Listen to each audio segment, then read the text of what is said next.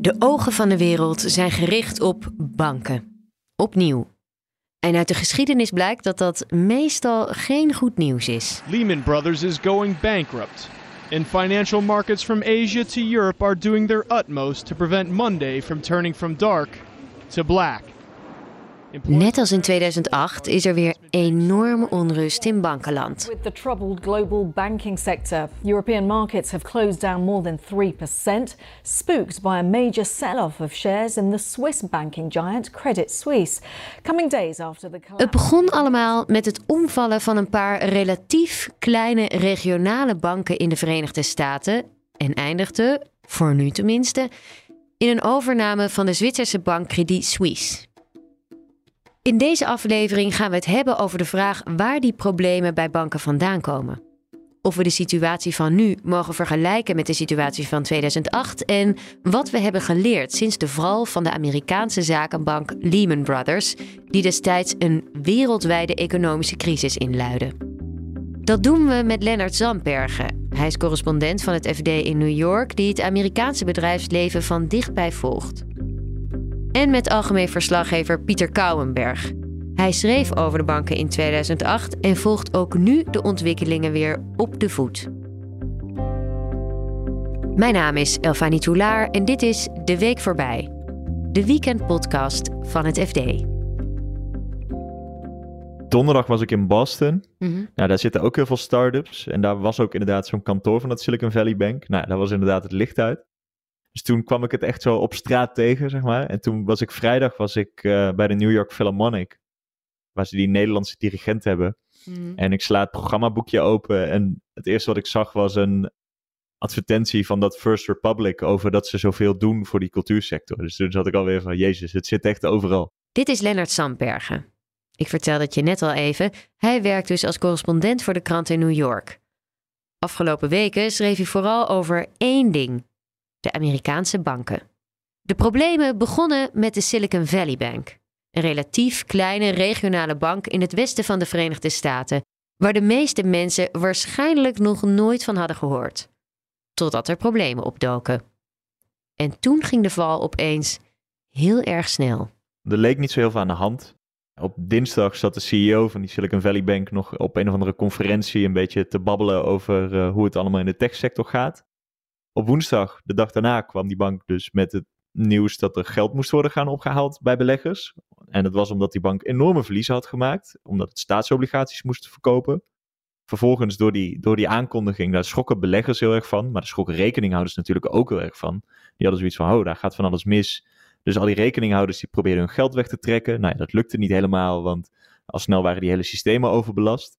Beleggers verkochten natuurlijk meteen al hun aandelen. Dus in een dagtijd was 60% van uh, de beurswaarde verloren. Op vrijdag, toen is de handel niet eens meer open gegaan. En toen was ook wel duidelijk van, nou, dit is niet meer te redden. De overheid moet het overnemen. En dit weekend is die bank dus eigenlijk, uh, ja, gered.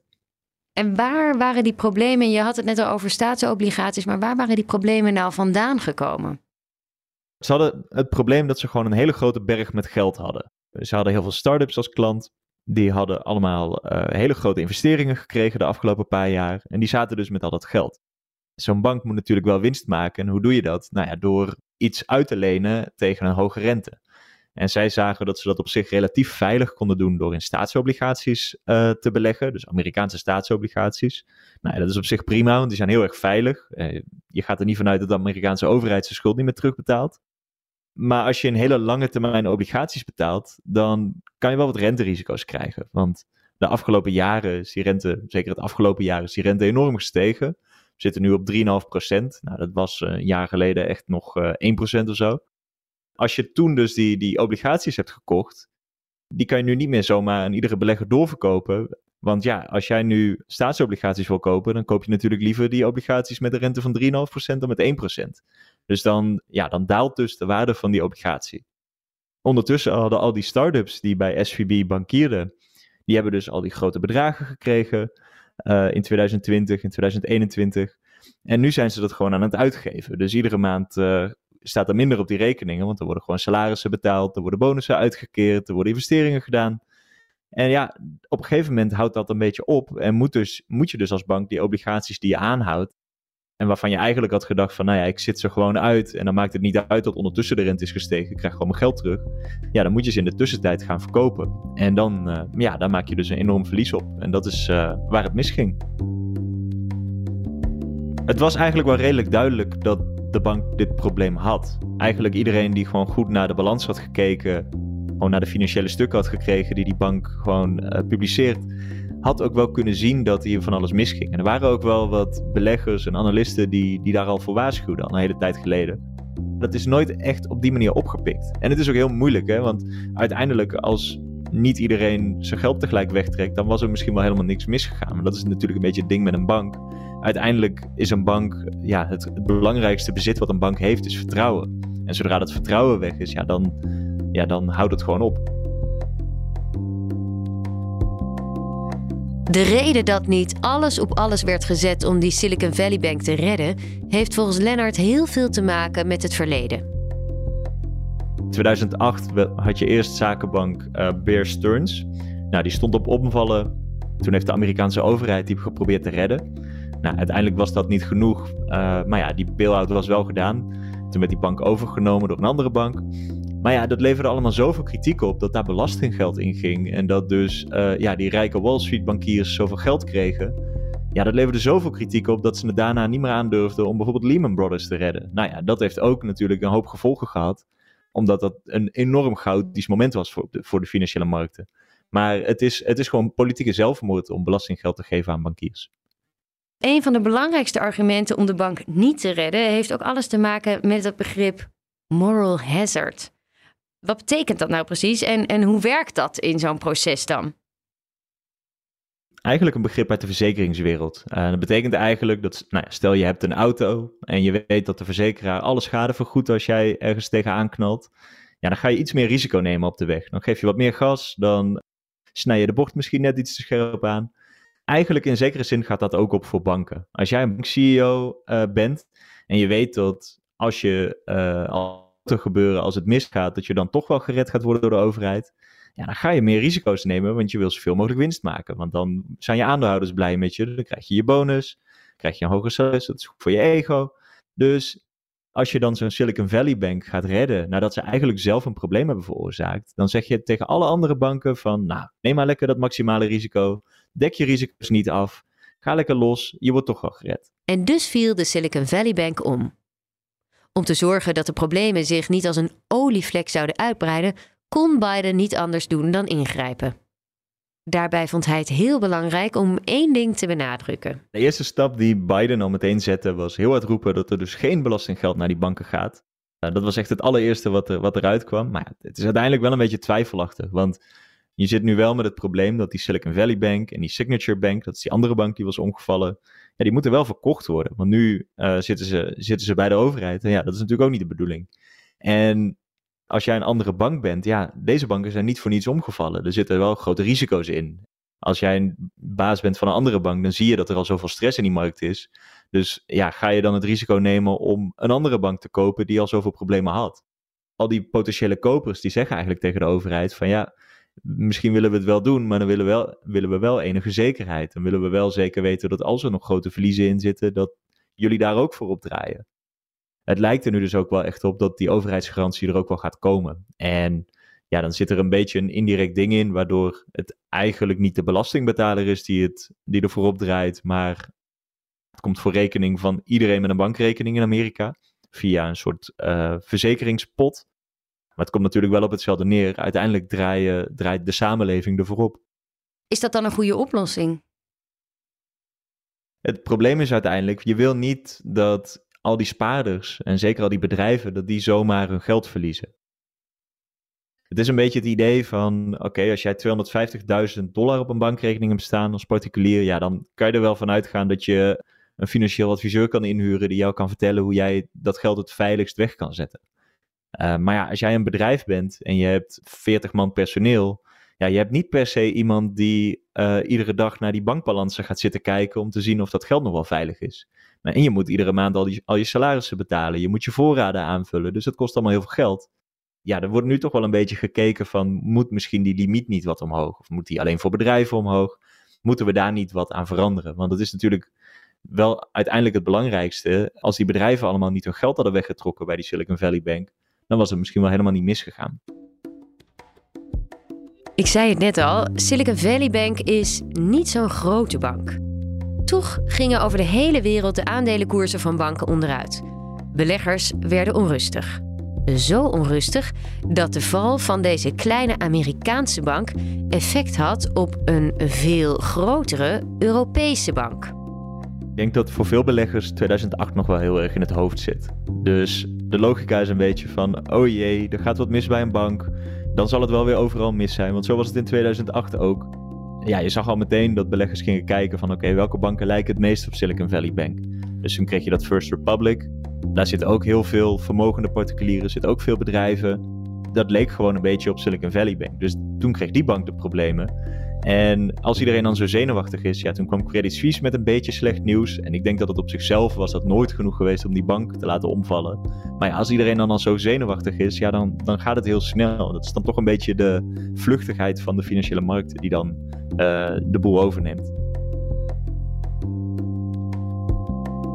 Pieter, uh, jij schreef in 2008 ook over banken, toch? Ja. En um, moest je daar de afgelopen weken aan terugdenken? Grappig genoeg, nee. Oh. Want uh, in 2008 herinner ik me dat ik er niets van begreep wat er aan de hand was. Dat ik dingen las over subprime, dat ik dat moest opzoeken. Ik las toxic assets. En toen ik verder zocht, ging het over mortgage-backed securities.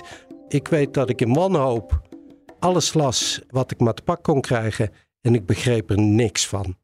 En de afgelopen weken, het is hoogtepunt, de redding van Credit Suisse, vond ik het appeltje-eitje. Ik had uh, een ochtendje nodig om alles te snappen. En in hoeverre is dat dan dankzij 2008? Ja, dat weet je nooit helemaal. Maar het grote verschil met 2008 is dat als je kijkt naar die grote Zwitserse bank die nu gered is, dat daar iets mee moest gebeuren. Dat was al vanaf 2021 duidelijk. Je las elk jaar dat er weer nieuwe lijken in de kast waren. Dat de topman weer eens een keer vervangen werd. Dat ze weer eens een tegenvaller links hadden. Dat ze weer een foute uh, lening in Mozambique hadden. Dus je wist, op een gegeven moment lopen ze tegen die betonnen muur. En dan gaat er iets met die bank gebeuren. En uh, die SVB-bank, de Silicon Valley Bank, die een paar weken geleden ten onder ging, daar had ik nog nooit van gehoord. Maar uh, toen ik even las wat daar misging, toen dacht ik, zij hebben de basiscursus bankieren uh, nooit gevolgd. Of althans, ze hebben hem genegeerd. Hier ben ik in gesprek met Pieter Kouwenberg. Hij is algemeen verslaggever bij de krant en je hoort het al, in 2008 schreef hij over banken. Nu is hij aangeschoven om meer te vertellen over Credit Suisse, de grote Zwitserse bank die vorig weekend in alle haast overgenomen moest worden. Hij neemt ons eerst even mee terug naar het begin van de problemen voor Credit Suisse. Door die ondergang van die Silicon Valley Bank is men nerveus bij de financiële markten. Banken horen niet in het nieuws te komen. Dus iedereen zit te kijken: wie is de volgende? Wat zijn de kwetsbare banken? In die periode zei de grote aandeelhouder van dat Credit Suisse: wat er ook gebeurt, ik ga geen extra geld erin steken. Maar waarom zei hij dat? Want um, dit was een Saoedi-Arabische partij, toch? Ja. En, um, maar door zoiets te zeggen op zo'n gevoelig moment, uh, krijg je toch een soort self-fulfilling prophecy? Hij zegt zelf: jongens, toen ik het belang kocht, heb ik dat ook al gezegd, dus ik zei niks nieuws. Maar wat hij zich blijkbaar niet heeft gerealiseerd is dat de omstandigheden waarin hij het zei heel anders was. En het lijkt erop dat hij zich niet heeft gerealiseerd wat het effect is. Dat markten gewoon super gevoelig zijn voor elk signaal uh, wat erop zou kunnen wijzen dat een bank in het probleem is. Ja. En dat heeft hij gedaan. Knullig. Knullig. Maar een paar dagen later werd Credit Suisse toch gered uh, door uh, UBS. Ja. De bank waar oud-ING-baas Ralf Hamers de scepter zwaait. Ja. Hoe is dat gegaan? Nou, op een gegeven moment wordt de druk dan zo hoog. Um, um, kijk, Credit Suisse hoort bij de banken waarvan uh, gezegd wordt too big to fail. Er zijn, um, in Europa zijn er pakweg 30 banken die zo groot zijn. Je wil niet dat die ten onder gaan. Alleen al om het effect bij andere banken gaat om vertrouwen. Dus als een hele grote bank omvalt, dan wordt iedereen nerveus. Politici, burgers, bedrijven. Dus dat wil je niet. Dus op het moment dat er steeds meer onzekerheid is over gaat het wel goed komen met die Zwitserse bank, dan dwing je en, en er stroomt geld uit, jouw spaargeld, veel groter geld stroomt uit en er ontstaat dan twijfel over die bank, ja, dan moet een toezichthouder ingrijpen. Nou, um, ze hadden verschillende dingen kunnen doen. Um, ze hadden het kunnen opknippen. Ze hadden van alles kunnen doen. Ze hebben besloten het onder te schuiven bij die andere hele grote Zwitserse bank. Dus te kiezen voor een Zwitserse oplossing. En ja, dat is dan heel simpel. De toezichthouder heeft de macht om iets af te dwingen. En uh, die regelt dat in, uh, in een weekend. En wat nog wel leuk is, UBS wilde het helemaal niet. Die, uh, je moet je voorstellen, Credit Suisse was op vrijdagavond nog ruim 9 miljard waard. En ehm, ja, dat is net zoiets als als jij gedwongen je huis moet verkopen. En ik kan geen aankoopkeuring doen. Ik kan niet kijken of jouw fundering goed is. Of het dak niet lekt. Ja, dan bied ik eh, geen 9 miljard voor je huis. Dan begin ik eens bij 1 miljard. Nou, uiteindelijk hebben ze het afgemaakt op 3 miljard. UBS heeft een buitengewoon goede deal. Ja, die kunnen zich in de handjes wrijven? Of is het toch nog. Uh... Ze kunnen zich in de handjes wrijven. Um, tenzij natuurlijk verschrikkelijke lijken uit de kast rollen. Maar in principe, als ze het goed doen, uh, ja, hebben ze een goede deal. En wat gaat er nu gebeuren met Credit Suisse? Hoe ziet het de nabije toekomst er nu uit voor die bank? Een bank in een andere bank integreren is. Dat is verschrikkelijk wij. Je moet je voorstellen dat alle individuele rekeningen overgezet moeten worden op het IT-platform. Dat gaat dan om tienduizenden rekeningen. Dat kost heel veel tijd, heel veel geld. Dus de, de experts verwachten dat, uh, dat UBS eh, die bank een stukje gaat verkopen, een stukje naar, uh, naar de beurs gaat brengen. En het stuk wat ze zelf echt willen hebben, dat ze dat rustig gaan integreren. Dus ze gaan het gewoon opknippen. Als Pieter terugkijkt naar wat er in 2008 gebeurde en wat er nu gebeurt, ziet hij dat de lessen van toen nu kunnen worden toegepast. Het belangrijkste wat ze gedaan hebben in beide gevallen is dat uh, de toezichthouder snel heeft ingegrepen. Ze hebben de bank failliet laten gaan, maar meteen ook gezegd dat alle andere banken heel veel liquiditeit zou krijgen mochten mensen nerveus worden en hun geld weghalen. Dat is een les. Als je uh, iets failliet laat uh, gaan, zorg dan dat burgers van andere banken gerustgesteld worden. En ze hebben bij Credit Suisse, zeg maar in een weekend, uh, een oplossing gezocht en gevonden. Dus de toezichthouder acteert veel sneller. Maar de flipside is natuurlijk dat je kunt afvragen: één, waar was de toezichthouder bij die uh, Silicon Valley Bank? Want die heeft dus een paar jaar zitten slapen en ze uh, die bank hun gang laten gaan. En bij Credit Suisse kun je de vraag stellen: waarom hebben ze niet veel eerder ingegrepen? Want nu moest, moest het dus overnight in een weekendje snel gebeuren met alle risico's. Dat er nog dingen niet goed geregeld zijn. Terwijl je al jaar ziet uh, dat die bank aan het zwalken is. Dus ja, de lessen zijn toegepast, maar de essentie blijft toch de vraag: houdt de toezichthouder inderdaad echt toezicht? En durft die toezichthouder gewoon in te grijpen als het denkt: zo wil ik het niet hebben? Na de overname van Credit Suisse door UBS leek de rust teruggekeerd. Heel even. Want toen werden de markten weer zenuwachtig. En dus houden de banken Leonard voorlopig nog wel even bezig. Het is nu vooral even goed kijken of dit probleem niet nog verder uitbreidt. Dus dat er niet allerlei grotere banken zijn die in de problemen komen. Want die zijn allemaal nog veel meer met elkaar verbonden ook. Je hebt heel veel onderlinge relaties, daar zitten heel veel geldstromen. Ja, dat zag je toen bij Lehman ook. Dat, toen dat omviel, dat was een enorm probleem eigenlijk. Dus waar iedereen bang voor is, is een teken dat er een grote Amerikaanse bank ook in de problemen komt. En daar lijkt het tot nu toe niet op. Die worden ook veel strenger gecontroleerd door de overheid. Die moeten allerlei stresstests doen, die er voor de kleinere banken niet zijn. Dat is iets wat misschien ook nog wel gaat veranderen.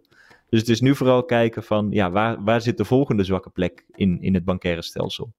En wat zijn dan tekenen die daarop wijzen? Ja, uiteindelijk is het heel simpel. Als je ergens de koers hard ziet dalen, dan, uh, ja, dan is toch uh, waar rook is, is vuur. Dan weet je dat daar in ieder geval een probleem zit. In ieder geval in de, in de perceptie. Dus, ja. Uh, en ja, als je een rekeninghouder bent en je ziet de koers van jouw bank met 20% dalen. Ja, het is niet een hele gekke gedachte dan om je geld daar weg te halen. Dit was hem voor deze week. In onze app vind je al het laatste nieuws over de banken. Bijvoorbeeld ook over de koersval van Deutsche Bank. Als je deze podcast leuk vindt, deel hem dan met je vrienden en abonneer je vooral. Dat kun je doen door te zoeken op FD de Week voorbij, waar je dan ook podcast luistert. Ik ben te vinden op Twitter, Elfanie, en je kunt ook altijd mailen naar podcast.fd.nl. We vinden het leuk om van mensen te horen. Redactie en montage van deze podcast waren in handen van Yildau Bijboer en de muziek is gemaakt door Visionair Ordinaire. Een heel fijn weekend en graag tot volgende week.